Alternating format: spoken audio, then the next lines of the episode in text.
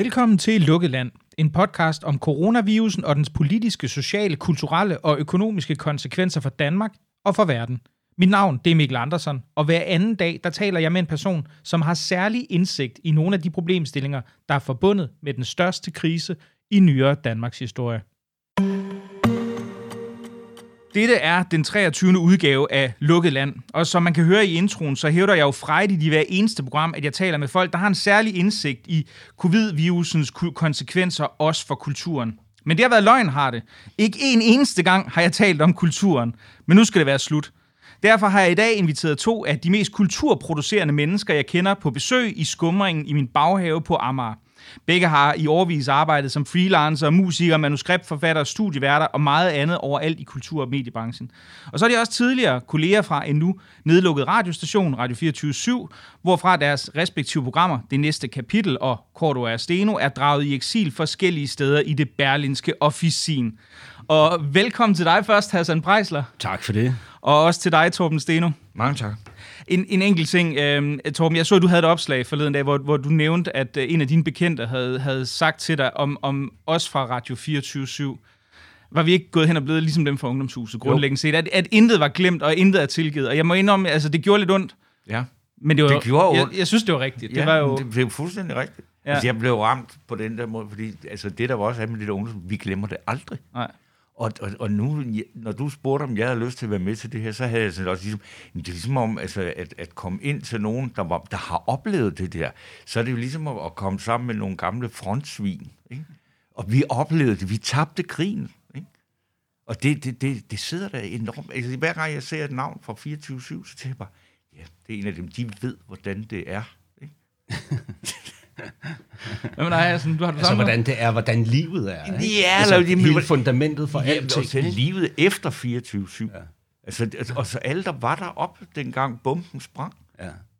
Men vi har jo reageret forskelligt på det alle sammen. Ikke? Altså, nogle er blevet meget, meget vrede, Ja. altså nærmest rasende, og nogle er blevet triste, eller måske endda depressive, Ja. Torben. Jeg, var, jamen, altså, jeg, jeg, jeg røg der ud i en reel altså, depression i tre måneder, og, og jeg simpelthen ikke kunne fatte, at det var sket. Ja. Jeg kunne simpelthen, altså, fordi det var så dumt. Ja. Og så tænkte jeg, hvis det skal jeg til at leve med det her. Og så var jeg sådan lige ved at, at, at, at begynde at sådan tænke, nå, jamen det må vi jo så leve med. Så kom coronaen, ikke? Så det var, man levede i en, et, et virkelig, virkelig, virkelig vanvittig undtagelsestilstand i et halvt år, hvor ting, der ikke burde kunne ske, sker. Mm.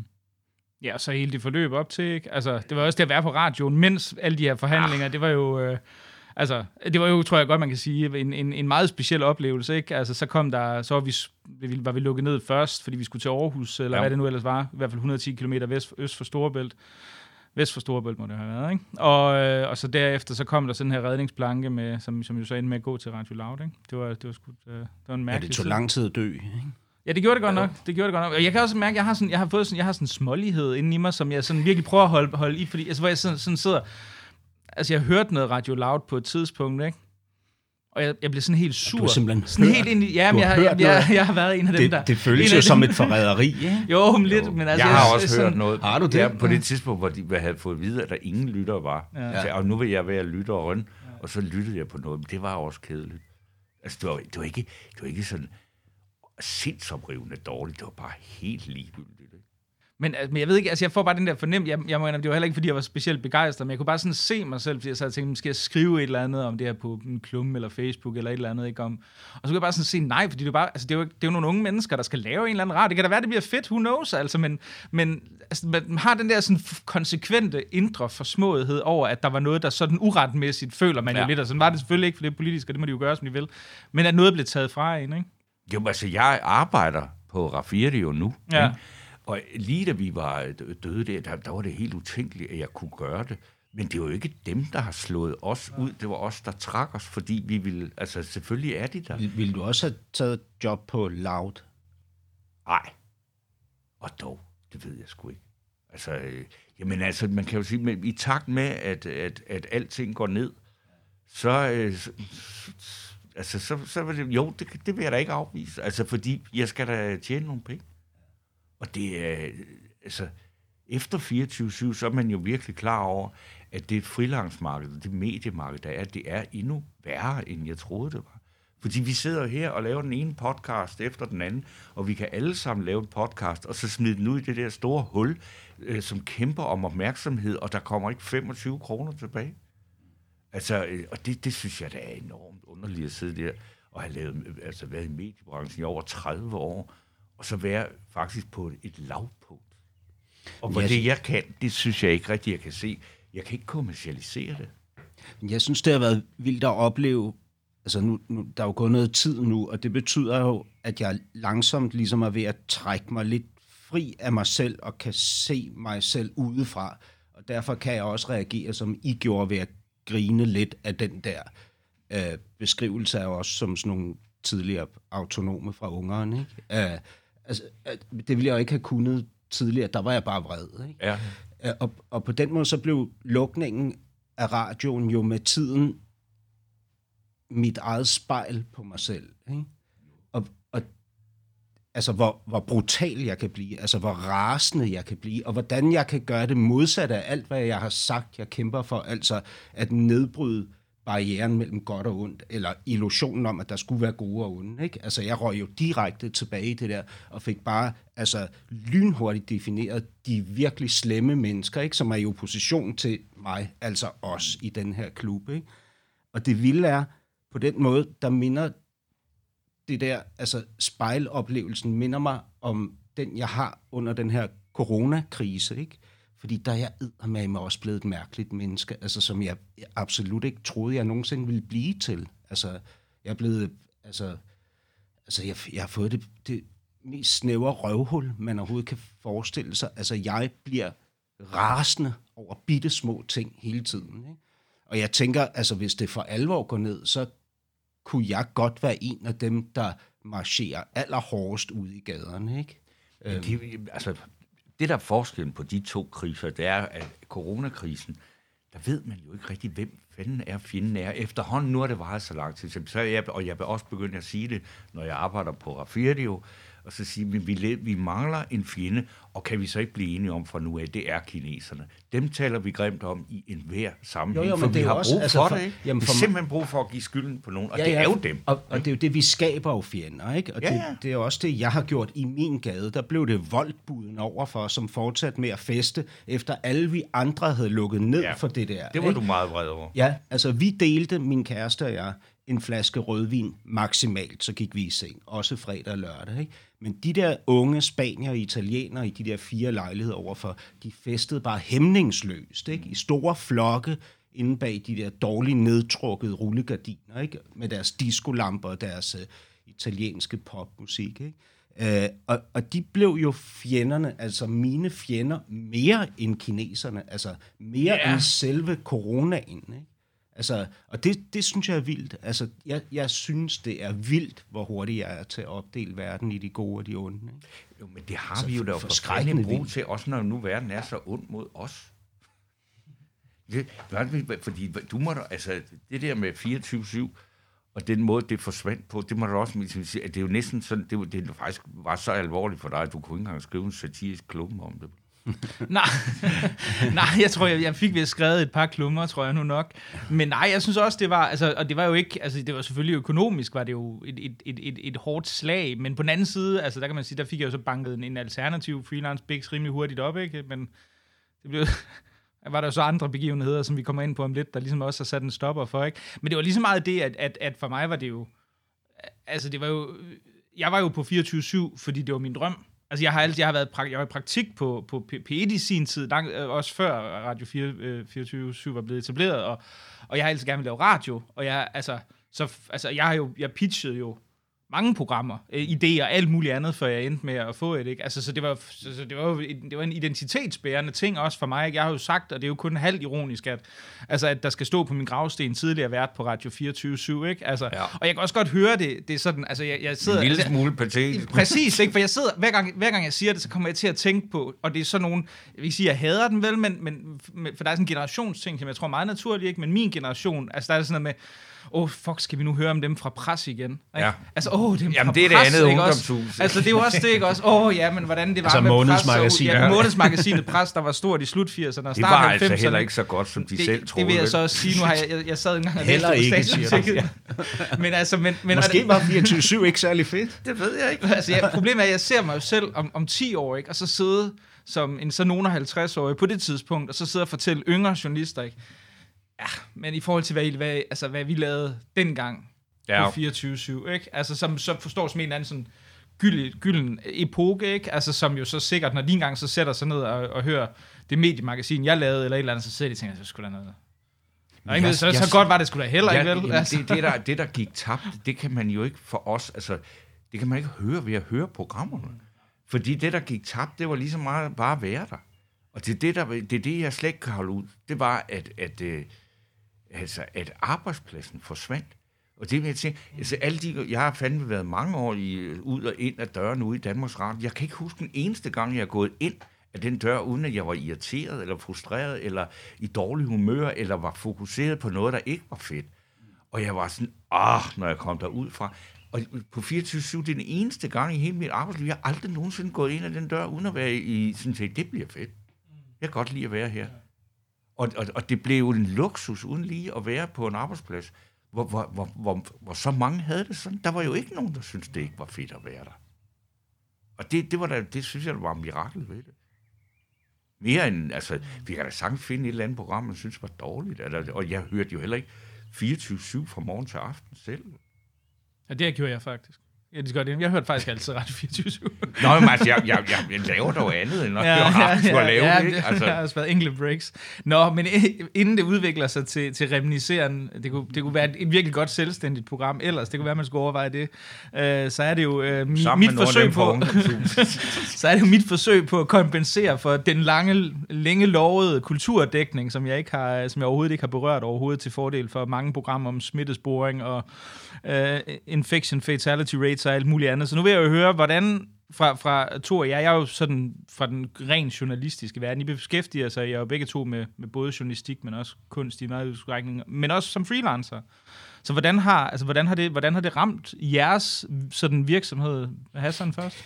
Jamen altså, øh, jeg har egentlig været meget heldig, fordi jeg stod stod sådan et sted som, øh, altså med nogle jobs, som kunne fortsætte, fordi vi var lige præcis øh, i, altså der i processen, hvor øh, det ikke øh, blev lagt ned. Ikke? Altså jeg, jeg er ved at skrive, øh, eller lige gået i gang med at skrive på Fiskerne, altså øh, romanen, som skal dramatiseres øh, i Aalborg.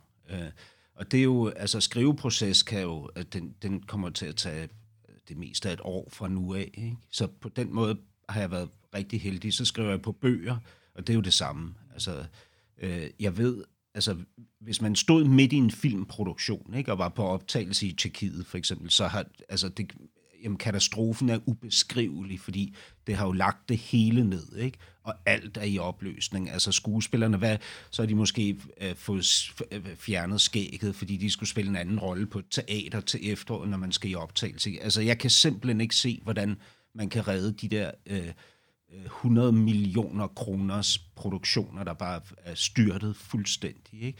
Og det er jo det samme med teaterne. Nogle, nogle mennesker, nogle produktioner er ikke ramt, fordi man har været et heldigt sted i processen, og andre går ned med et massivt brag og kommer aldrig op igen. Øh, og tabene er, er altså enorme. Altså, og, øhm, og alt det sagt, ikke? og det, nu taler jeg kun om, om teater og film, det er jo det samme inden for alle af, kunstbranchernes øh, områder. Ikke? Men, men altså, selv når det er sagt, ikke, så må jeg bare sige, at jeg, at det, altså, det kommer jeg til at få på puklen for at sige, og det er, altså, det er moralsk og alt muligt, men, men jeg, jeg synes, at vi i vores brancher, at vi skulle have på, altså vi skulle ned med, med flaget, altså vi skulle have et kæmpe dyk, ikke? Fordi vi var blevet, øh, vi var blevet en så øh, integreret del af den stat, der finansierer os, at vi simpelthen fuldstændig havde mistet forståelsen for, hvad kunsten skal. Ikke? Øh, kunsten kan ikke være en blindtarm på staten, som den kan vælge at fjerne eller beholde efter, hvad den nu engang synes. Og det er kunsten, ikke? Og vi kan se, vi kunne se nu her omkring øh, Øh, de her pakker, der blev hjælpepakkerne, som ligesom øh, ramte kunsten allersidst. Ikke? Der kan man se, at, at kunstnerne, alle, alle vi kulturarbejdere og kunstnere, vi stillede os op og talte om kunstens nødvendighed. Ikke? Altså bare det at sige den sætning, ikke? at det er hvad, øh, øh, kulturens salt, eller kulturens lim, eller hvad, hvad det er, vi siger hele tiden. Ikke? Altså at sige de sætninger, men samtidig ikke kunne producere noget som helst uden statsstøtte, som er lige præcis kulturens lim, eller kulturens salt. Ikke? Det synes jeg viser, hvor, hvor, altså, hvor overflødige vi har gjort os selv, ikke? hvor ligegyldige vi er blevet. Altså, og det, øh, altså, det er jo en frygtelig opdagelse at få. Ikke? Altså, vi er intet uden øh, Det er en staten. meget, meget, meget stor port, du åbner der, ikke? Fordi at så enkelt er det nemlig heller ikke. Vel? Øh, men det er sådan en anden ting. Altså, det, det, altså jeg, jeg oplever det jo så på den måde, at det ben, jeg har i, i kulturbranchen, øh, og det er vi faktisk enormt stolte over, vi har ikke fem øre i støtte. Til gengæld har jeg tabt 120.000. Altså, vi, vi, jeg var på en tur, hvor vi skulle spille 26 job. Hvad, hvad, med du, mit orkester, du, ja. øh, Pligten kalder. Og vi var nået 6, og de sidste 20, de er væk. Og, det, og, og, øh, og, der, og specielt efter, altså, at 24-7 øh, gik ned, der mistede jeg jo også nogle indtægter. Så var jeg lige pludselig begyndt at sige, at jeg har jo musikken, og så skruer vi lidt op for det, og så røg det. Så nu har jeg ingenting. Og, og øh, øh, altså, hvis, hvis, hvis, øh, altså, hvis man skal gå meget kritisk til det, så kan man sige, at, at nogle af de steder, jeg skulle have spillet, det var nogle regionale spillesteder, som får noget statsstøtte. Men ellers så er der ikke én skattekrone i det øh, kunstneriske produkt, jeg selv handler med. Mm. Og det er måske også derfor, at vi har en relativt, øh, i forhold til, hvor, hvor meget vi kan have haft en, en, en egentlig en, en øh, altså at vores succes går på, at, at det er meget tydeligt, at det er vores produkt. Det er ikke ud, lavet ud af en ansøgning. Det er ikke lavet ud af en skabelon. Og det er derfor, det faktisk har en vis originalitet, og dermed også et ret begrænset publikum. Fordi det ligger ikke i den der øh, støttestrøm. Men jeg føler mig ikke ramt af, at det du siger, men jeg ved, ved da udmærket godt, øh, at ja, på den måde kan jeg godt føle dig i, at det er meget sundt, at man i den der kunstneriske branche på, øh, bliver nødt til at tænke om. Men det er jo også fuldstændig, altså musikbranchen, hvor der også er mange støttekroner i sådan noget, men det, det er alligevel meget mere øh, altså kommersielt. Den er jo forsvundet. Og, og det, det kommer til at betyde nu, det er, at sådan nogen som os, vi får det meget sværere, fordi det er simpelthen et spørgsmål om, at der, der er for få datoer i kalenderen til alt det, der skal indhentes. Og det vil sige, at de arrangører, der, når de engang må få lov at lave noget, så kan de få de helt store navne til en meget billigere penge. Og det vil sige, at dem, der kommer i andet og tredje gelé, de får aldrig lov. Og det er ret vildt, at det bliver sådan. Det er jeg ret sikker på. Altså det, så, så øh, på den måde er det ikke og så øh, hyggeligt, og så kommer det tilbage til den der, hvor folk, som, som jo tit, øh, som man oplever sådan noget med musik, om det er da så sjovt at lave, kan du ikke bare komme og spille gratis? Ikke? Fordi, hvorfor, hvorfor skal vi dog betale for det? Øh, og den tror jeg, der, altså, og, der, og der er enormt mange musikere, og det er dem, jeg har mest ondt af. Det er alle dem der, som står rundt på alle de der øh, små scener, og går hjem med 2.000 kroner og skal selv slæve gearet med hjem og holde sig ædru til klokken lort om natten og køre hjem med det der og 2.000 kroner før skat. Og det er dem, som folk siger, så, så er det fordi, de har stået måske i andet geled med en bas eller til en bas, trommesæt og en rød pære i hovedet. Altså, så synes folk, i hvor må det være fedt at stå deroppe. De aner ikke, hvor lidt folk tjener. Det er så også enormt mærkeligt, at alt, altså, størsteparten af dem stemmer på enhedslisten. Det gør de. Men, men for at køre lastbilen, den, den på, som har sådan åbent, altså jeg tænker, fordi det jeg forstod i din kommentar myndet på, var vel i høj grad altså teaterverdenen, ikke? Jo, altså det, det er jo ligesom den også, verden, jeg bedst kender, ikke? Ja. Men det, ja, altså det, er jo, det er jo de der øhm, fagområder, som lever af, af, altså som aldrig vil producere uden støtte, ikke? Og det er jo klart, at musikken er jo anderledes, det ved jeg. Det er jo, nej, øhm, men du kan jo ikke, øh, altså hvis du var opsætte et teaterstykke på et lille bitte uh, teater et eller andet sted med, med seks skuespillere, så kan du ikke gøre det for under en million kroner. Det vil sige, dem skal du have i støtte, og det kan du kun få. Du kan få lidt fra fonde, de private fonde, men ellers så er det ind og, og søge øh, statens kunstfond ikke? Om, om hovedbeløbet. Og det skal du gøre halvandet år i forvejen, eller længere tid i forvejen, med en idé ikke? om noget, der er aktuelt og fungerer. Tror, tror du, at det her vil forandre den tankegang? Jamen altså, det, Fordi de, jeg opfatter det sådan, de fleste, også nu har vi sådan en, Nå, jeg altså blev- jeg en, blev en jo- mærkelig jeg blev jo- socialdemokratisk øh, regering, som jo egentlig ikke bryder sig om kultur, eller i hvert fald ikke rigtig kan formulere, hvad de vil med det, men de vil da nødig, at I ikke skulle støtte den. Ej, det, det skal, vi skal slet ikke begynde at tale om den regering her, fordi så eksploderer jeg. Jamen ved du hvad, det skal du jo, du, du, du Jo, vil jo, du det- vil, du det trives åbenbart bedst i det modvind, jo fordi man må jo ikke, fuldstændig altså, tosset, det her. Altså, Er du- det er jo det glade vanvid. Altså, jamen, altså, hvad, hvad er det for noget? Kulturpolitisk, eller, Jo, jo, eller men sådan ja, mere bredt kultur- betragtet? Nå, men altså, jamen, ja, altså mere bredt betragtet også, ikke? Men nu er vi jo her for at tale om Ja, kultur og kunst og sådan Hvad er det for en minister, de har givet os? Altså, jeg er godt klar over, at det, altså, det er selvfølgelig spekulation, det her, men jeg er jo ikke idiot. Jeg er jo godt klar over, at de har castet hende til rollen, fordi hun passer perfekt, ikke? Altså, det er jo øh, at fortælle den store, brede danske befolkning, at Socialdemokratiet vil skide på kunstneren. Ikke? Det er jo derfor, de sætter Joy ind på den post. Ikke? Og hun spiller rollen til perfektion. Ikke? Hun siger, det vil, det vil være arrogant, eller det vil være upassende at tale om øh, øh, kultur lige nu, siger hun, ikke? Da, da vi taler om hjælpepakker. Ja, det er ja, jo ja. perfekt castet. Altså, det, det er jo enormt tilfredsstillende for alle de mange mennesker, som So- Socialdemokratiet gerne vil tilfredsstille, og som de tror har det kultursyn, som de, der bliver afspejlet her. Ikke? Jo, og så kan du, med det der er rigtigt, og det der, altså, altså- der er mange, der har sagt, det som ved at sige sådan noget, så er opgaven at sørge for, at de vælgere, de endelig fik tilbage fra Dansk Folkeparti, bliver hængende i butikken. Ja, ja, nemlig. fordi der er hadet til det elitære og til den der ligegyldige kunst, som det gider vi kraftet med ikke betale til. Men det er, er frygteligt. Altså der, hvor jeg bliver, altså der, hvor, hvor, hvor, hvor det rammer mig at føle som skizofreni, ikke, det er jo, at jeg både synes, at den her regering og den der kulturpolitik og den måde at se kunsten på, er fuldstændig latterlig. Og jeg har det sådan, at jeg synes, mine brancher er nogle, øh, altså komiske brancher, ikke? Fordi vi ikke, øh, altså vi ikke kan andet end ligesom at lægge os i slipstrøm af hinanden og mene det samme, som alle de andre mener, og sige det samme, som alle andre siger. Ikke? Altså, det er jo derfor, jeg, jeg simpelthen ikke ved, hvor jeg skal gå hen, fordi jeg både er træt af magten, og jeg er træt af den branche, som ligesom burde at, adressere den her magt og sådan noget. Og jeg, altså, jeg føler mig fortvivlende alene, og nu vender jeg lige tilbage til det med Radio 24 fordi der følte jeg jo et øjeblik, at jeg havde en platform, som fokuserede på én ting, og det var de kreative eksplosioner, hvor små eller store de end måtte være. Ikke? Og det, det er det, jeg savner. Det er det, jeg næsten ikke kan holde ud ikke at have længere. Ikke? Fordi hvad, så, så står man bare der. Ikke? Jeg, jeg gider nærmest ikke at lave teater eller film nogensinde igen i, mit, i mit liv. Ikke? Nej, Altså- men det, det forstår jeg da godt. Altså med mindre, så skal du jo simpelthen altså, ud, ud på flisen og stå med hatten i hånden og lave noget. Altså på det, på det der niveau, og det, det er du ligesom passeret, ikke?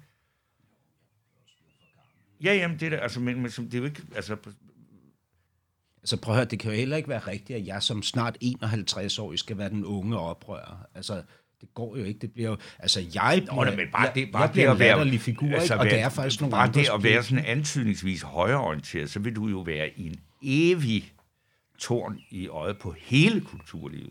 Jo, jo, men, det, ja, ja, men, men altså prøv at høre, ingen ved, om jeg er højreorienteret eller ej. Det de bare ved, det er, at jeg ikke siger det samme, som alle de andre siger Ja, hele men- tiden. men ikke? der- men- og så må du nødvendigvis Men bare være det, tosset. Ja jo, ikke? og det du lige har er sagt, tosset, det er nok så til, er du at, at sige, højreorienteret. ham kan vi ikke stole på.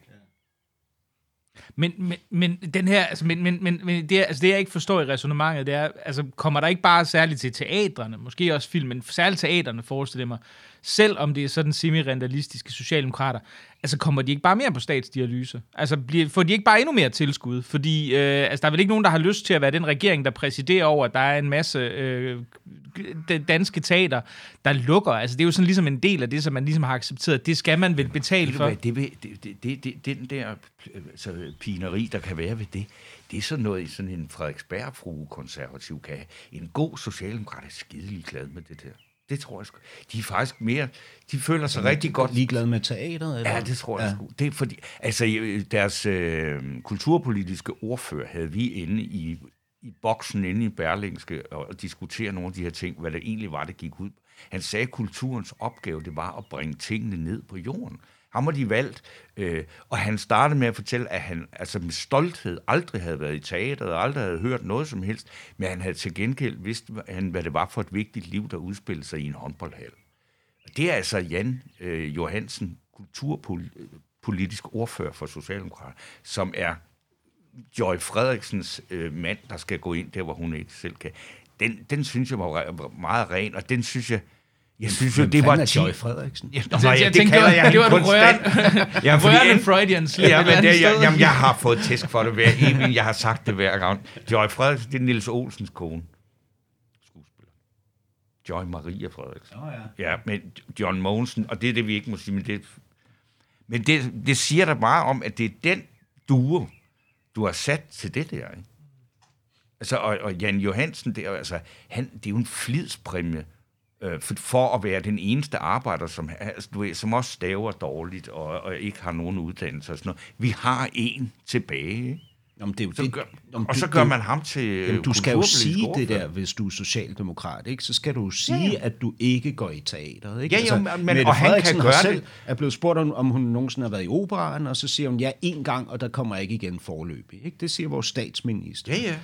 Altså, det, det er jo det er jo det fedeste, du kan sige. Ikke? Det er, at kultur for dig er, at du har spillet klaver på aftenskole og øh, hvad hedder det, deltaget i aktiviteter nede i håndboldklubben. Ikke? Hvis du kan sige, at det er kultur, ikke? Så, er du, så er du home safe, og så kan du faktisk blive kulturminister. Men nu skal vi jo ikke ind på Absolut Music 2-sagen, fordi der har vi jo meget forskellige synspunkter, fordi jeg synes bare, det var der, hvor jeg synes, at det borgerlige kulturskribent, Søren Jacobsen, simpelthen, det var så uhederligt.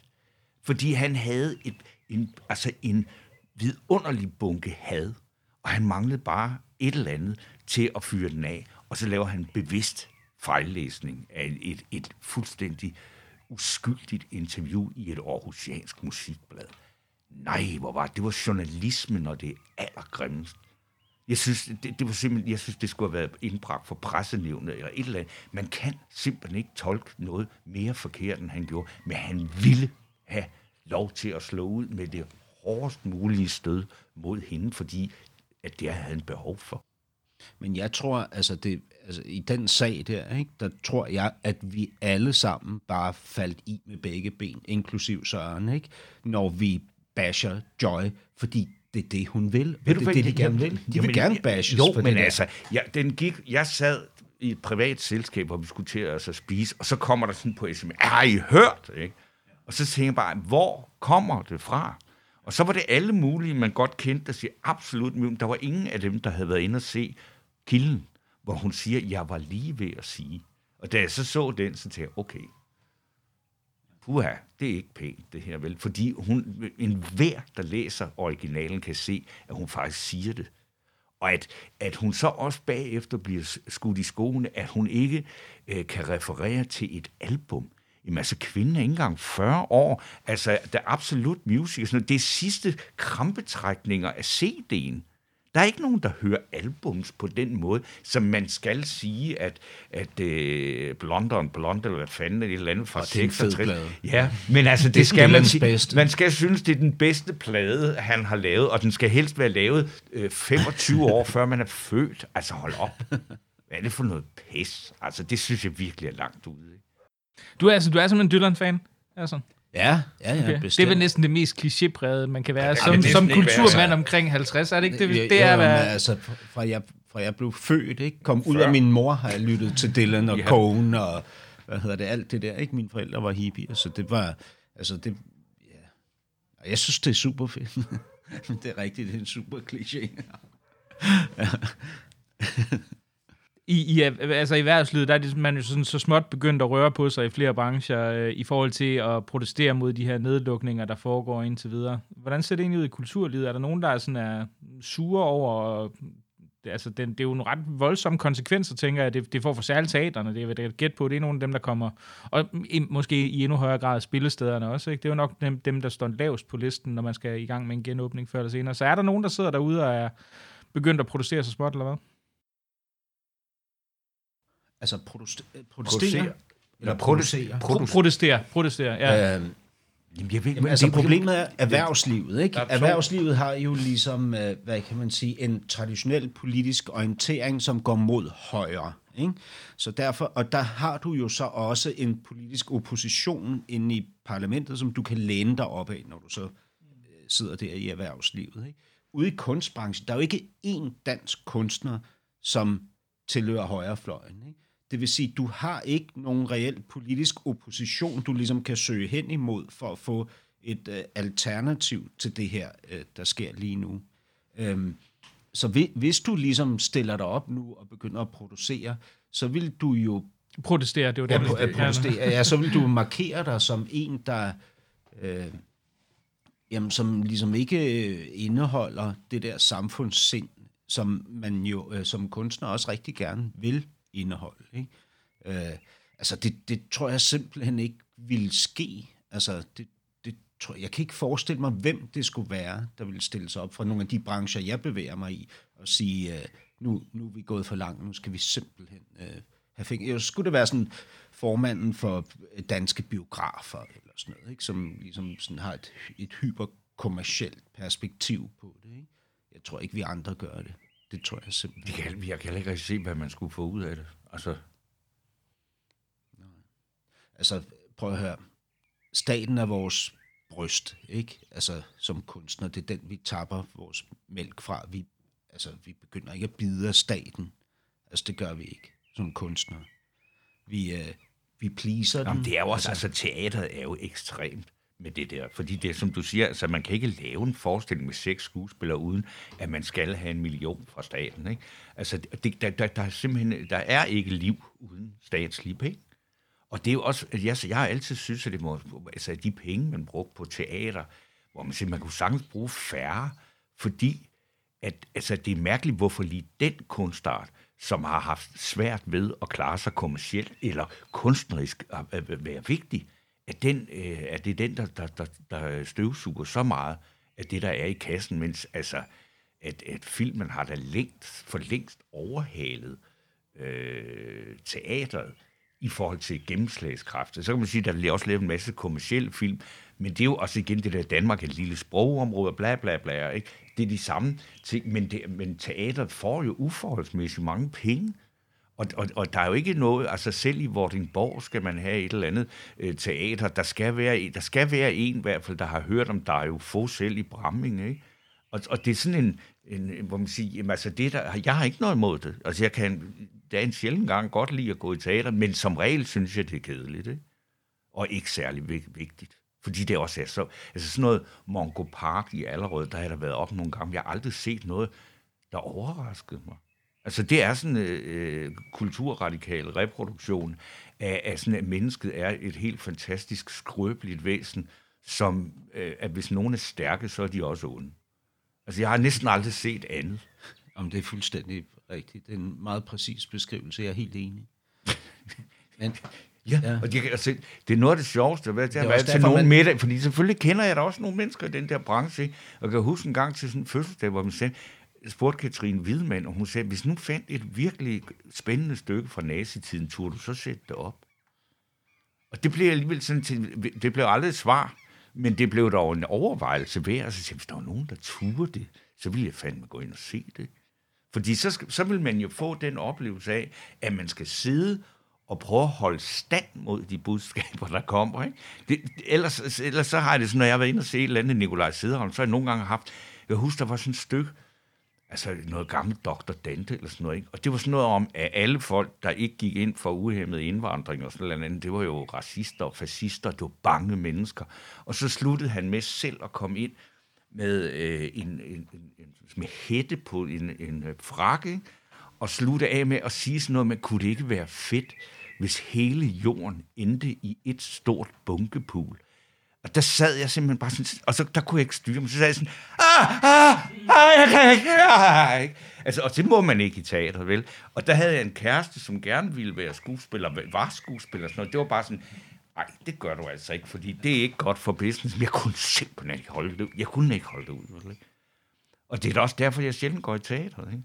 Der er der noget, der er rigtig godt. Det kan der også have en klassiker. Klassiker er netop klassiker, fordi at det er på et niveau, der ikke er så forudsigeligt. Men det er jo den anden ting, der er god ved den her coronakrise. Ikke? Det ene er jo, at, at teateret ligesom bliver tvunget til at holde kæft en periode. Ikke?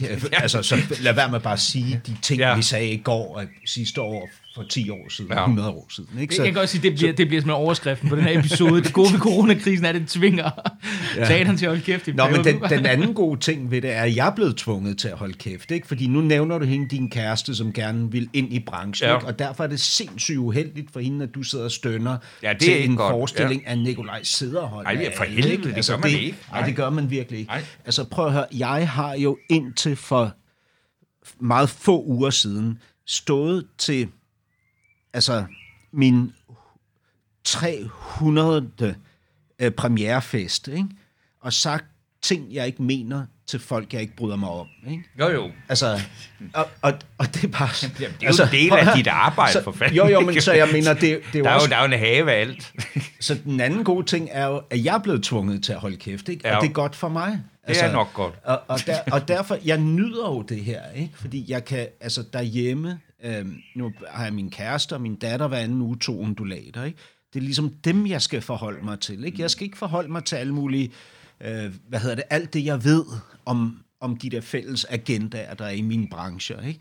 Jeg, jeg kan simpelthen lægge det til side, og det begynder, jeg kan, øh, det, det betyder, at jeg begynder at kunne trække vejret igen. Ikke? Og så får jeg ild til hjernen, og så begynder jeg at tænke tanker igen, som ikke er hvad er det, Kunstfonden vil have med de fem folk, der sidder i det her udvalg, ikke? Og hvad er det, det teater med den direktør aldrig nogensinde ville kunne håndtere, fordi at hun er gift med ham, der sidder derovre, ikke? Altså alt det der, ikke? Så jeg ligesom begyndt bare at kunne, hvad hedder det, skrive men, noget, jeg mener, altså, altså, eller det, tænker. Det kan godt for... være, at, at teaterbranchen bliver slanket på den her måde, men, men der går jo ikke ret lang tid før, at der er et eller andet i gang igen, og statsstøtten vælter ind over det igen, og så er alt etableret igen med at sige, hvad er det nu, der er, øh, hvordan er lugten i bageriet godt, så skriver jeg det. Okay? Jamen altså, det man kan Det tror jeg sgu ikke på, bliver radikalt. Jeg vil, jeg vil gerne, nu har jeg jo selv sådan en Selvfølgelig falder det tilbage i hak igen. Ret som hurtigt, det, er, det er der ingen tvivl om. Ligesom med det her, vi siger, klimaet kan ånde, ikke? og lige om lidt, så flyver vi jo alle sammen til Bali på vinterferie og Kreta på sommerferie. Sådan er det, ikke? Men, men vi har haft, altså ligesom klimaet kunne ånde i en, et halvt år, ikke? så har jeg faktisk også kunnet ånde et halvt år. Og, jeg, og det vil jeg nok aldrig glemme, hvordan det føltes. Altså, hvordan det rent faktisk oplevedes at have så mange måneder, hvor jeg kunne tænke klart, ikke? eller klarere i hvert fald, end jeg ellers kan. Ikke? Og prøv at så kan I sige, så, så vil andre kunstnere sige, jamen du, du kan jo bare gøre dig fri, og bla bla, og, og jeg har aldrig nogensinde slikket nogen i røven, og jeg har altid kun sagt og skrevet det, jeg mente, og sådan noget, ikke? Altså, bullshit. Bullshit. Altså, bullshit, ikke? Ja. En af mine store, altså folk projicerer alt altså altid deres inderste længsler og visioner om, hvordan et fremtidigt samfund skulle være ind i den her krise. Ikke?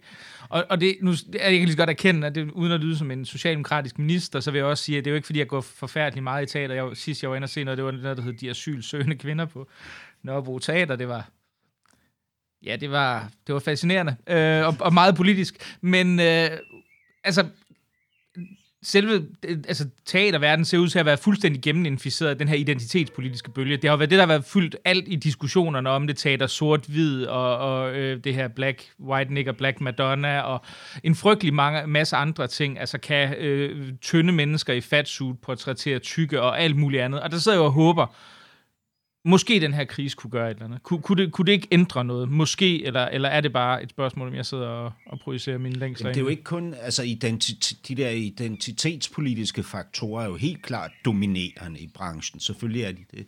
Men det er jo, det er jo sådan, det, altså det er jo faktisk det, det der automatiske fløj, og måske endda næsten partipolitiske, som ligesom er skildret ind i alt, man laver hele tiden. Ikke? Det er jo det, der er problematisk, fordi vi har delt verden op i de gode og de onde på forhånd, ikke? som Torben var inde på før. Ikke? Hvis du har magt, så er du et forkert menneske. Ikke? Øhm, i, ifølge de der øh, fortællinger. Så, så verden er delt op, ikke? og det er efter min overbevisning det største forræderi, du kan begå mod, sjæl, mod menneskesjælen, ikke? som jo er den, vi, vi skal, altså vi bilder os ind, at vi står på mål for, når vi laver de ting, vi laver fordi menneskesjælen indeholder begge dele. Ikke? Så det vil sige, at vi, vi gør jo publikum ensomme, når de sidder ude på rækkerne og mærker deres egen grådighed, griskhed, deres egen øh, indre fascisme og sådan noget. Det, vi, vi begår jo et stort forræderi mod hver eneste individ, der sidder i stolerækkerne,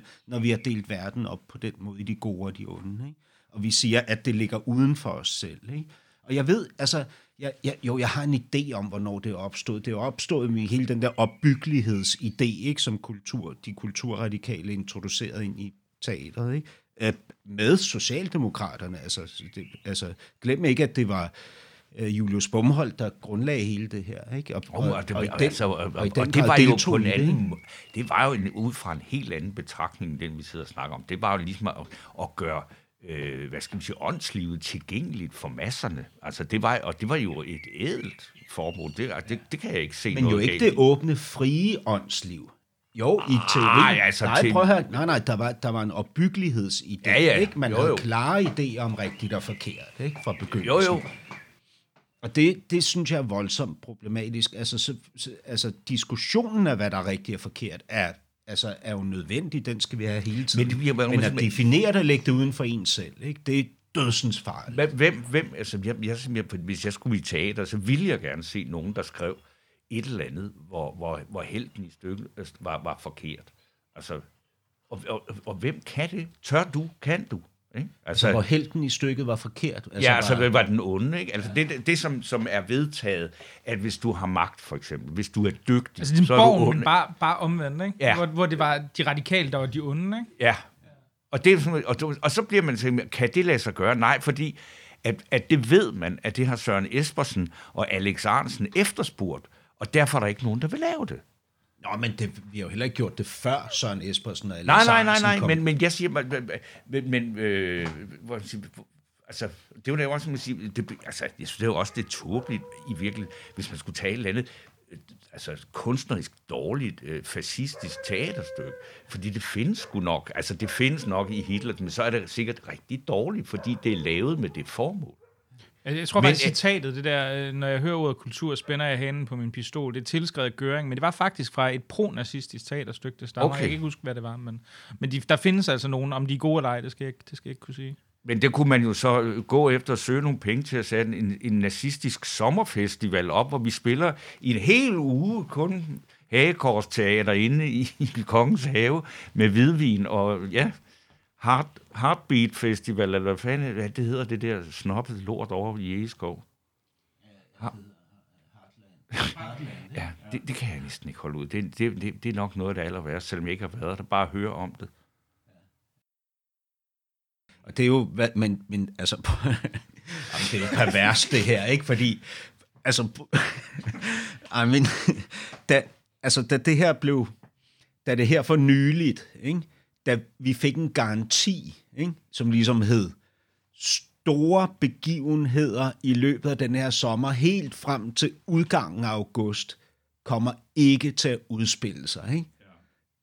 Der tænkte jeg, yes, faktisk lige fordi, præcis fordi jeg tænkte på Heartland. ja. okay, den, den kan godt tåle at springe en over, ikke? Ja. Jo, jo, men altså, jamen, også alt det andet. Altså, altså. Jamen, altså, det, jamen, det er sådan noget, altså, og, og det, det er rart, det er en lille podcast, den her, fordi man skal jo fandme passe på, hvad man jamen, siger. Sådan noget. Men, jeg, men jeg bare tænker sådan noget, at, at folk står med en, en flaske rosé, og er fuldstændig ved, altså, de gisper af benovelse over at høre en samtale med Thor Nørretranders, og så en eller anden, som sidder og siger sådan et eller andet med, altså sådan noget Thor Nørretranders, altså du ved sådan, gud, jeg har skrevet en bog om min seksualitet, og den hedder noget med en påfugl, og sådan, høj, altså, nej, altså det der talks øh, med, med, med, med uh, rosé til, det er så svært at få ned, ikke? Fordi det, det er jo... Altså, Men der er også noget selv, bare ved, begre- altså ved at du kalder det talk. Altså, Ja, der er selv noget selv, så der, jeg, jeg, jeg er selv gået ind i, i, i, i talkbranchen, ja, ja. fordi jeg kan ikke fordrage det der udtryk, men jeg har haft det nødt til at lave nogle penge, så ødelagde coronaen også det. Jeg skulle lave noget, der hed Tuesday Talks, ikke? Fordi det var om tirsdagen, jeg- jeg tænkte, hvorfor kan vi ikke kalde det salon? Nej, fordi hvis ikke det er på engelsk, og det, og det hedder talk, så er der ikke nogen unge, der ved, hvad det er. Det er der heller ikke. Så, så derfor skal det hedde talks. Og her der tillader jeg mig lige at afbryde dagens udsendelse for en meget kort bemærkning. For lukket land er gratis, og det bliver det ved med at være. Men jeg bruger en del tid på at lave og producere programmet, så hvis du kan lide det, du hører, så vil jeg sætte enormt stor pris på din støtte. Du kan bidrage til mit arbejde ved at gå ind på lukketland.dk og i hjemmesidens højre side vælge, om du vil donere et fast beløb for hver afsnit, der udkommer, eller om du hellere vil bidrage med et fast månedligt beløb. I alle fald tusind tak for det, og også en stor tak til alle jer, der allerede har valgt at bidrage. Og så tilbage til dagens program. Altså, Jeg havde, jo, jeg havde ikke forestillet mig det her, vi ender med sådan et semi-randalistisk orgie, hvor man frydes over, hvilke festivaler der det er også- Man kan godt have fået, er det så hvilken festival kan man glædes mest over at gå ned. Det er jo ikke sådan, altså der er der også nogen, øh, som jeg selv skulle, en af dem, jeg selv skulle have spillet på, jeg er da virkelig ked af, at den ikke bliver til noget. Altså det er jo ikke alt ved det der, der er forfærdeligt, men der er bare, altså hvad man siger, det der, øh, altså det synes jeg er noget, jeg har lagt mærke til, her, det, altså under det her corona ikke? Altså, der er nogle mennesker, som læser Berlingske hver evig eneste dag for at kritisere den sønder sammen og sige, at det er overflødigt, det er dumt, det er alt muligt. Og sammen med politikken. Og de er faktisk ikke flyttet sig ret meget. Og så kan man sige, at politikken skriver lidt mindre om de seneste nye øh, undersøgelser om menstruationssmerter eller sådan et eller andet. Det er måske lidt underprioriteret. Men det, der går ikke ret lang tid før, så er det der tilbage igen. Og det, det, det, der kommer til at forandre noget, det er sgu ikke medierne. Det tror jeg sgu heller ikke. Fordi de kommer heller ikke til at kunne øh, sælge hverken mere eller mindre. Altså, er sige, det interessante er, at Berlingske i den her periode har solgt flere abonnementer. Til gengæld har de tabt alt det, de har vundet på abonnementer på øh, annoncemængderne, eller øh, fald i annonceindtægter. Men det der med, at, at hele verden kommer til at se anderledes ud efter det her, det der, det- jeg tror, det, det bliver sådan nogle steder, som, som ikke er så kulturelt inficeret, det er, at, at mange flere vil arbejde hjemmefra. Jeg fandt jo ud af, at den måde, jeg arbejdede på, det har stort set ikke forandret sig fra før og efter corona. Hvis ikke det var musik, så lå jeg jo bare i min seng med min computer, det gør jeg stadigvæk. Jeg tjener bare dårligere. men, mm. men der er jo ikke noget øh, nyt i det. Og alle, altså, så er der flere, der har fundet ud af, at det kan man faktisk godt. Og det betyder, at der vil sikkert vil være, at prisen på øh, kontorkvadratmeter vil falde, for der er ingen grund til at have de der store øh, kontorhuse. Men vi kom alle sammen fra 24-7. Der var ingen af os, der havde en pind. Det var da ikke nødvendigt. Vi kom der en gang om ugen. Ja, men altså, jeg satte mig også af til derinde bare for altså, at sidde og, og snakke med nogle folk, ikke? Det var jo hyggeligt. Ja, Ja, ja. ja. Så sidder jeg bare og arbejder hjemme, Men du behøver ikke at gøre det i fem dage. Ikke. Nej, nej, slet ikke. Slet, slet, slet ikke. Men hvis, hvis nu man, altså, jeg ved ikke, hvordan I har det, men min, men altså min fornemmelse i forhold til det der, jeg nævnte før med, at jeg har stået altså, og været sådan en idiot, ikke? sagt så mange åndssvage ting, altså øh, gjort så meget for ligesom at, at få det der, jeg gerne vil have, ikke? og passe ind og alle de der ting. Ikke? Altså nu, nu jeg, jeg ved ikke, om det har gjort det samme for jer, men for mig har det jo været altså et, en, en stor pause fra det der, ikke? At, at være tvunget til at være hjemme med dem, der er tættest på. Ikke? Altså, jeg kan jo virkelig mærke, hvem jeg ikke glæder mig til nogensinde at møde igen. Altså, af, af folk, jeg har arbejdet sammen med, ikke? og måske skal ud og arbejde sammen med igen. Ikke? Og jeg har så nogle få mennesker, jeg har været øh, glad for at kunne ringe til ind imellem. Ikke? Men ellers så er det et, et ekstremt reduceret liv med, med meget færre mennesker og mange, meget færre, altså mange færre ord. Ikke? Øh, og, og, og flere sådan refleksion, ærlige refleksioner over øh, mig selv i, i, øh, i relation til flokkene. Ikke? Og mennesker i flok altså er jo frygtelige. Altså, og jeg, jeg er den værste af os alle sammen. Ikke? Altså, hvad jeg ikke vil gøre for at opnå en lille bitte smule magt, eller penge, eller position, eller hvad det nu end er. Ikke? Altså, hvad er ikke ved, hvad er ikke ved æde af lort? Ikke? Og, og bagefter så laver du så et teaterstykke om præcis alle dine fejlbarligheder i din søgen efter magt og status ja, ja. og så videre. Ja, jo. Men, men der tænker jeg sådan, jamen, jamen prøv at høre, hvis vi ligesom skal binde en tråd tilbage til det, vi startede med, ikke? det har vi jo også gjort inde på 24-7. Altså, der er der også ting, vi holdt op med at sige og tænke og føle og mærke og sådan noget, ikke? for fællesskabets skyld. Altså, der er jo ikke, jo, jo, der er jo ikke nogen det. fællesskaber, hvor man ikke bliver tvunget til at hakke en hæl og kappe en tog for, det var også lidt, for husfredens skyld. At det, at, jeg synes ikke, det var så svært at gøre det. Jeg synes ikke, det var noget, man så, jeg gik og tænkte, ah, det skal jeg ikke sige, eller det skal jeg ikke tænke. Øh, det, det var mere inden, at krisen kom. Da vi begyndte at være lukningstruet hele tiden, så forsvandt det. Jeg synes slet ikke, det var noget pres. Og, og, og, og, og netop lade være med at at for eksempel altså, sige noget negativt om nogen, eller sådan noget. Det, det, jeg synes ikke, lejligheden bød sig, eller altså, og det, det, altså nu var jeg der alle otte år, så i starten, hvor, hvor, hvor det var, øh, altså, hvor det virkelig sejlede, og hvad er det her, og hvad bliver det til, der var der jo meget mere plads til den slags. Øh. Men, og det er jo banalt, når man er under pres, så rykker man virkelig tæt sammen, ikke? Og der er det jo, jo, så marcherer man. Og så bliver det jo ungdomshuset, ikke? Altså. Men, men jeg ved ikke, altså jeg synes, jeg synes jo egentlig ikke, altså jo, for det kan da godt være, men sådan vi har nok også have det i forhold til de fleste andre arbejdspladser. Jeg vil måske være mere, altså, det, det, det er svært at gå ud og kritisere kolleger, med mindre det er noget, der er særligt, hvad kan man sige, pådragende for, for noget principielt i den offentlige debat. Men sådan vil jeg egentlig nok have det på de fleste arbejdspladser, jeg var på, uanset hvad, fordi det, der er det sådan ligesom lidt, altså mindre det, det her har en helt særlig principiel karakter, så synes jeg, det, det, det gør noget mærkeligt, men jeg synes jo, altså noget af det, som var det fede ved 24-7, var jo, at, at der var den her, altså der var den her meget, det der store spillerum for dissens internt. Altså, der var aldrig sådan en slags, altså, der, man, altså der var aldrig sådan en slags, hvad kan man sige, politisk konsensus om, hvor folk skulle ligge Altså, der var, ikke noget, der var ikke noget problem i, at jeg kunne stå og være øh, crazy borgerlig øh, øh, og mene alle mulige skøre ting om, om øh, indvandringspolitik eller alt muligt andet, øh, samtidig med, at øh, hvad det, Poya Paksat eller Lars Trier Mogensen også havde et program, hvor de stod og ekstolede revolutionen. Altså, hvor man kan sige, at, at, at, at der, der, der virker det som om mange andre medievirksomheder øh, altså har, har nogle, hvad kan man sige, mere... Øh, sådan nogle mere vedtagende dogmer, du på en eller anden måde skal abonnere på. Og det synes jeg, man jo, det, altså det må jeg jo sige, ikke? Nu, og nu lyder vi sikkert som sådan nogle ungdomsfolk igen, ikke? Men, men, men, altså, men, men det synes jeg var det befriende ved det. Det var, at du havde aldrig den der fornemmelse af, at, at hvis du sagde et eller andet, hvis du sagde et eller andet øh, skørt, så vil du være ude i kulden, eller så vil der være, så vil der være, en, en, så vil der være noget ledelsesmæssige sanktioner, eller noget som helst. Det, det, tværtimod, altså havde du altid det, hvis du sagde et eller andet skørt, så vil der sikkert være nogen, der tænker, det kan da være, du kan lave et program om det her, eller et eller andet i stedet for. Ikke? Og det synes jeg måske var, var sådan det, der var det mest... Øh, altså, jeg er da enig med dig i, at, at der kunne da godt... Altså, jeg tror da, at vi alle sammen også har siddet, hvis vi sådan skal være helt ærlige, der har der måske været nogle udmeldinger i lukningsforløbet. Øh, altså, hvor man måske har siddet og tænkt, det det kunne godt have været mere elegant formuleret. Altså enkelte ting, ikke? Men, men, men overordnet set, så, så synes jeg da egentlig, at der var ret stort spillerum for, for at kunne være kritisk. Ikke? Nå, nu skal jeg, jeg skal tilbage Jamen, til, jeg skal tilbage til coronaen. Øh, altså, ej, det skal jeg ikke, Torben, bare fortsætte. Vi kan lige så godt, nu er vi her alle sammen, vi kan lige så godt fortsætte. Bare tage noget mere 24 ja, Nej, jeg, jeg, jeg, har ikke mere. Altså, jeg synes, du har, du okay. har lukket det fint. Okay. Jeg tænkte, fordi nu har jeg jo det, nu har jeg det her, et af de her spørgsmål, fordi jeg har ikke selv set det, men altså, der er åbenbart kommet de her store digitale formidlinger af kultur både teatre, og så har der også været DR, der har lavet de her sangting. Og jeg, jeg må simpelthen med skam indrømme, jeg har ikke set noget som helst af det. Men er der noget, er der noget håb? Er der noget af det, der er fedt? Eller noget, hvor man også kan sidde og tænke, nu nævnte du jo selv, Torben, det her med at kunne arbejde hjemmefra, altså hvor lidt man har brug for, man har.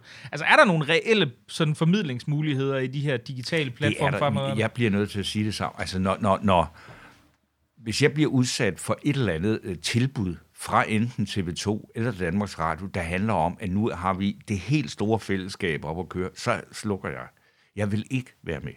Jeg kan ikke. Altså, jeg, det, jeg, altså, det er ligesom om, at det bliver en, den der øh, man til fællesskab med, med Mette Spejderfører i spidsen, det, det bliver ligesom Danmarks indsamling. Jeg kan ikke. Og det kan godt være, ham det Philip Faber er fuldstændig fantastisk, og Jarl Kort, der sidder og brøler med hjemme i stuen ude i Gentofte, og føler sig en del af det store gør, gør nationale... Ja, jamen Jarl, han elsker at synge, ikke?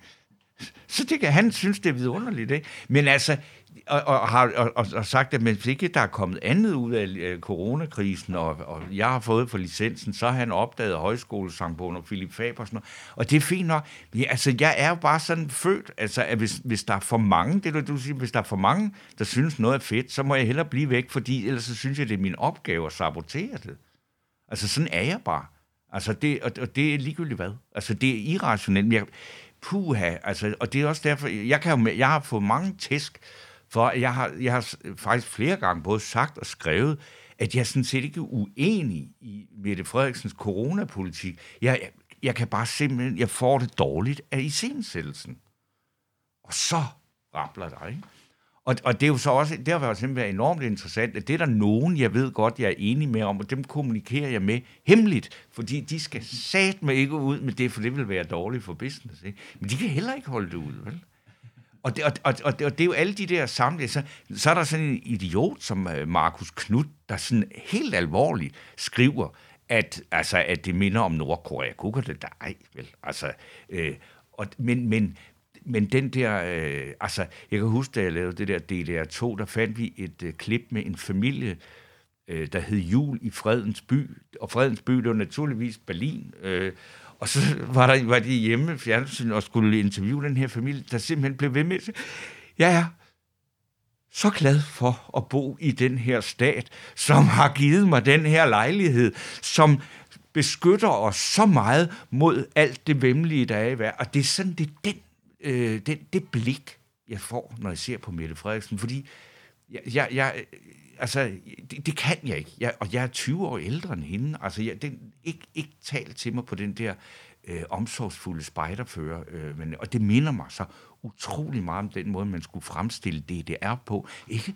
Fordi, og det, der er det mærkelige ved Danmark, det er, at når der er sådan nogle DDR-agtige tendenser, jamen, så er det jo folket her, det er jo ikke noget, de bliver påduttet, de vil have det.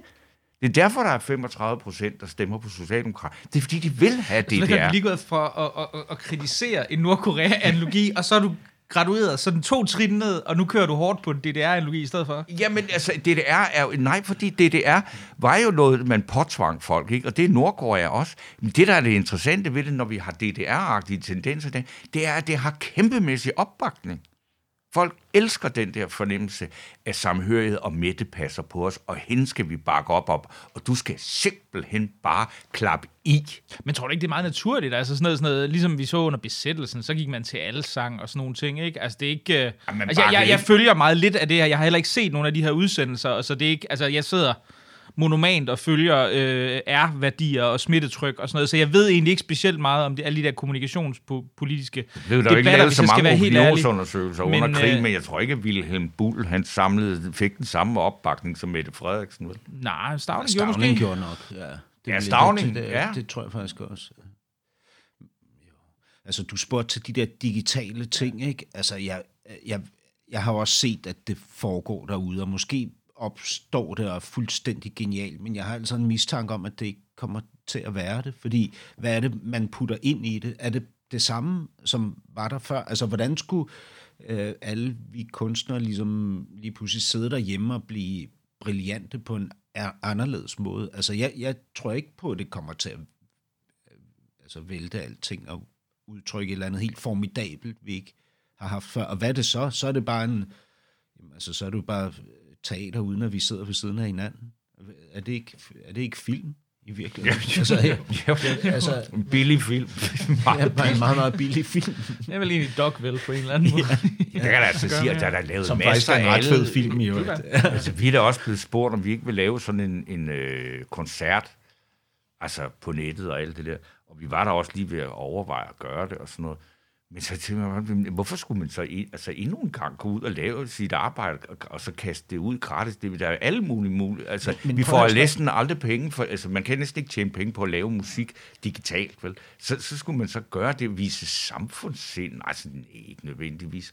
Og det, der er, tror jeg, der i virkeligheden er det modsatte, der kommer ud af det, er, hvor afsindig vigtigt det er, hvis man står og, øh, på en scene og spiller, at det er simpelthen, altså spiller man for en tom sal, eller spiller man for en fuld sal? Ja, der er meget stor forskel. Det er, publikum aner ikke, hvor meget de påvirker det, der foregår på scenen. Men det kan da være, at de bliver bevidst om nu. på en, en lidt højere måde, end de har været før. Men, men altså, at spille, øh, f- altså ikke at have et publikum at spille op af, det, er, øh, det, det, bliver, det går ikke imod. Altså, jeg, jeg savner heller ikke at gå til koncert, men det, det er fordi, jeg faktisk har det sådan, når jeg står som koncertpublikum, så har jeg det ligesom du har det, når du øh, oplever de der fællesskabsting på Danmarks Radio eller TV2. Ikke? Jeg har sådan noget med, at vi står der, og så hopper vi i takt. Ikke? Mm. Og jo større koncerten er, jo frygteligere, synes jeg, det er. Ja. Altså, parken er virkelig Jamen, det, det, det, det, kan, det kan jeg, der, der jo, jo, gør men, jeg ikke men, sådan nogle steder. Ja, men altså. selv sådan et jazzhouse eller sådan ja. noget, ikke? Hvor, hvor man ligesom sidder, og så opdager man lige pludselig, at man har foldet sine ben sådan, som alle andre har gjort det, ikke? Og man sidder og vipper med den på samme måde, ikke? Og man holder den samme, den der mikrobryggede øl i sin hånd, som alle de andre gør. Ja. ja. Og så går man udenfor for ikke at ryge, fordi det man jo holdt op med alle sammen. Ikke? Altså, hvad, hvad hedder det? Det er, det, det er sådan en frygtelig følelse at opdage. Kan altså, du ikke man, godt lide at være, at være på en scene, hvor kan, du så mærker, at publikum, nu jamen, klapper kan, de i takt, fordi nu har jeg dem. Så jeg kan godt lide, når folk, de, altså, ta- går, ham på balkon, når de, tram, når de tramper til mine trin, så kan jeg godt lide støvle. Jo, jo, ja, jo, helt klart. Altså, om det er så teater, eller hvad fanden jeg laver, hvis jeg står og hvad hedder det, holder et foredrag, ja. jeg ligesom kan se, de alle, altså nu har jeg dem. Ja, det er ja, ja, fedt. det er fantastisk. Ja. ja, ja. Altså, jeg vil jo helst have, at mit publikum alle sammen synes og gør det samme. Ja. Ikke? Ja. Altså, min, min kærlighed til pluraliteten, ikke? Den, er, hvad hedder det, den er jo begrænset på den måde, at hvis det går ud over mig, så elsker jeg den ikke. Nej. Og, øhm, men men øhm, jamen, jeg, jeg kan ikke lide at gå til koncert heller. Det, det, jeg synes, det er forfærdeligt. Altså virkelig. For jeg synes, det er meget mere... Altså man kan jo lytte til musik på en anden måde, når man er alene, ikke?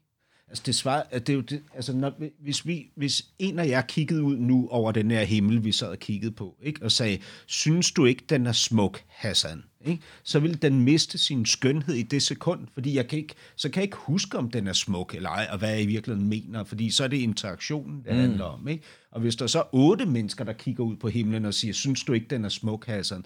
Altså, det er jo, der er jo ingen af os, der kan stå imod det, der forventes af os, at vi, vi skal synes i en flok. Ikke?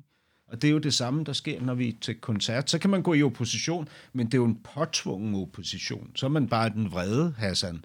Altså, ja. Så siger man bare nej til det, fordi man ikke har lyst til at være den, der siger ja. Ikke? Jo, men der, altså, der har jeg da også stået utrolig ja, mange ja. gange og prøvet at holde stand. Ikke? Og, og så, så på dit nej.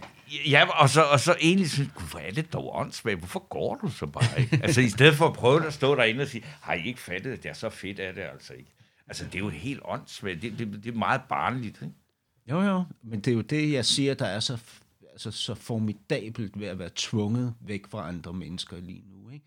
Altså for, for mig, der er det virkelig, virkelig sundt med de der to meters afstand, ikke? Altså det er virkelig godt. Det kan jeg sgu ikke genkende. Hvad med dig? Synes du, det er vidunderligt at have afstand til andre mennesker? Altså, jeg, jeg, det er fem uger nu. Jeg synes, det er meget. Ja, det, er det ikke mere end det, i virkeligheden? Seks, tror jeg. Ja. 11. Øh, marts, ikke? Ja, 11. marts, altså vi er snart, vi er snart på anden måned, må det være, ikke? 4. maj. Ja.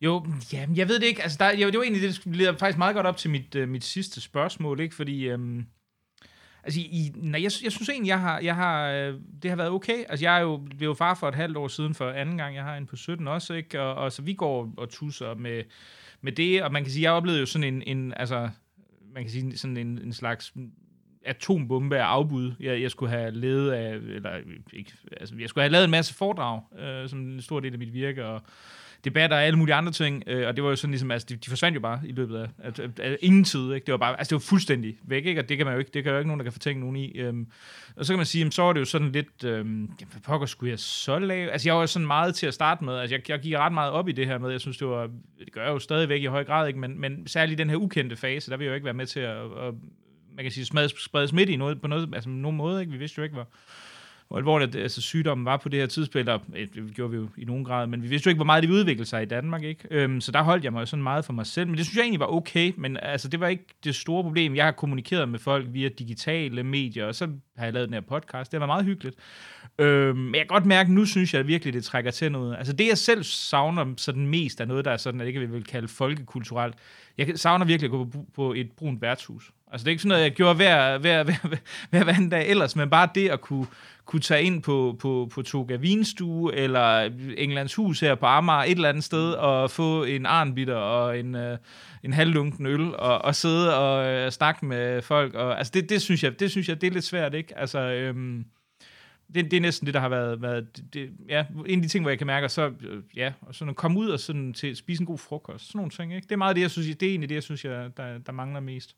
Men altså, det var egentlig det, der skulle lede op til mit sidste spørgsmål. Det var, hvad er det i? Hvad, altså, nu kan man jo så forstå, at det er jo ikke Mongo Park for dit vedkommende. Du, kom, du savner allermest Torben og, og koncerterne for dit vedkommende. Hassan, ingen af jer skal til, hvis til Heartland, selv hvis det havde været der, kan jeg også forstå. Men hvad er det, hvad er det som I øh, glæder jer til at vende tilbage til? Sådan, øh? Om, altså, at, at, at øh, jamen, det er du selv, de har peget på. Altså, jeg, jeg har da drukket masser af øl, øh, men det har været på dåse. Jeg, jeg savner helt banalt at få lov at få en fadøl, velskænket, kold, og kunne sidde i solen ude på Vesterbro Torv, og måske snakke med nogen, som jeg ikke havde planlagt, jeg skulle snakke med. Altså, det, vil sige, der, der, det uforudsigelige er forsvundet. Ikke? Så hvis du taler med nogen, så aftaler du meget præcist, hvad det skal være for noget, og så går vi rundt ind i Kongens Have med to meters afstand, og det er også okay. Men, men jeg savner, at, at, at det spontane kan være der og at, øh, altså at, at kunne gå ud og, og, og drikke en øl, eller bare gå ud og drikke en kop kaffe på, på en café og sidde og kigge på folk. Det kan man heller ikke. Og jeg synes ikke, altså jeg synes, det er uhyggeligt. Jeg har gået mange gange på natarbejde, altså gået fra Vesterbro Torv ind til Studiestræde, sådan en lørdag aften, øh, hvor Goddersgade plejer at være sådan en stor slags, øh, altså slagmark af larm og unge mennesker, så er jeg gået den samme tur fra Vesterbro Torv ind til Studiestræde, og så mødte to mennesker og tre rotter. Det er sgu alligevel lidt mærkeligt. Det, det, det, altså, det er så palle alene i verden. Altså, hvor man siger, hvad er det for en dårlig film, jeg er med i, hvornår er den ikke snart slut? Altså, det glæder jeg mig altså til, fordi jeg synes, det er jo, natten er forfærdelig. Ja. Jamen altså, jeg, jeg ved jo godt, at jeg tilhører en altså for det første en privilegeret klasse, ikke, som kan arbejde hjemmefra. Mm. Altså prøv at tænk på alle dem, der ligesom ikke har noget valg. De skal bare sidde der ved den kasse, eller, eller hvad hedder det, stå der på det plejehjem og gøre de ting. Ikke? Altså det, det, det er jeg jo godt klar over. Og jeg er også godt klar over, at der er folk som dig, Mikkel, øh, som har mistet al indtægt. Ikke? Og jeg er ikke ramt på den måde. Ikke endnu i hvert fald. Men altså, hvis jeg skal svare ærligt på det der, så er jeg simpelthen nødt til at sige, at der er ikke noget, jeg savner. Altså, der er ikke noget, jeg savner nok til at ønske mig tilbage til det liv, jeg levede før vi blev ramt af den her katastrofe. Altså, og det er, altså, det er så besynderligt at, at, at sige det. Altså, jeg, jeg, altså, det lyder måske nærmest tosset, men jeg, jeg er rigtig, rigtig glad for det menneske, jeg kan begynde at mærke igen, når jeg er fri af alle de der flokke, jeg, jeg øh, begår mig i. Ikke? Jeg er en, og jeg er en meget federe kæreste, og jeg altså ikke, ikke hvad hedder det, og allervigtigst, ikke? jeg er en meget federe far i den her tid. Altså, jeg lytter efter, og jeg koncentrerer mig, jeg begynder også at, jeg er blevet tvunget til også at udvikle min måde at være far på, fordi jeg også skulle være lærer. Ikke? Og så skal jeg opbygge sådan en, både en tålmodighed og et, nogle redskaber. Og sådan er jeg simpelthen kommet så tæt på min datter i den her, hun er ni år, ikke? i den her tid, øh, og på min kæreste. Øh. Det, der, der kan, altså, nu har jeg jo så ikke øh, små børn og øh, alt det der, men jeg kan da sige, altså, jeg tror ret sikkert, at øh, mit ægteskab har sgu ikke haft godt af det her. Fordi vi er, altså, altså vi, hun, min kone kan også godt arbejde hjemme, ikke? Øj, hvor har vi gået rundt meget op og ned af hinanden i det bur der, ikke? Og det er altså ikke godt, at vi ikke bliver luftet. Det, er det, det har vi jo også. Altså, min kæreste arbejder også hjemmefra. Ikke? Jamen, jamen, vi... du siger det godt. Altså, jeg siger ja. bare, at det må jeg da være nødt til at sige. Det har ikke været noget. Jeg vil ikke anbefale det for et ægteskab med min øh, model og, og, og, og, og vade rundt op i en lejlighed på femte sal, altså uafbrudt. Det fik lov til at blive uh, sidste ord. Tusind tak, fordi I kom. Torben Steno og Hassan Prejsler. Selv tak.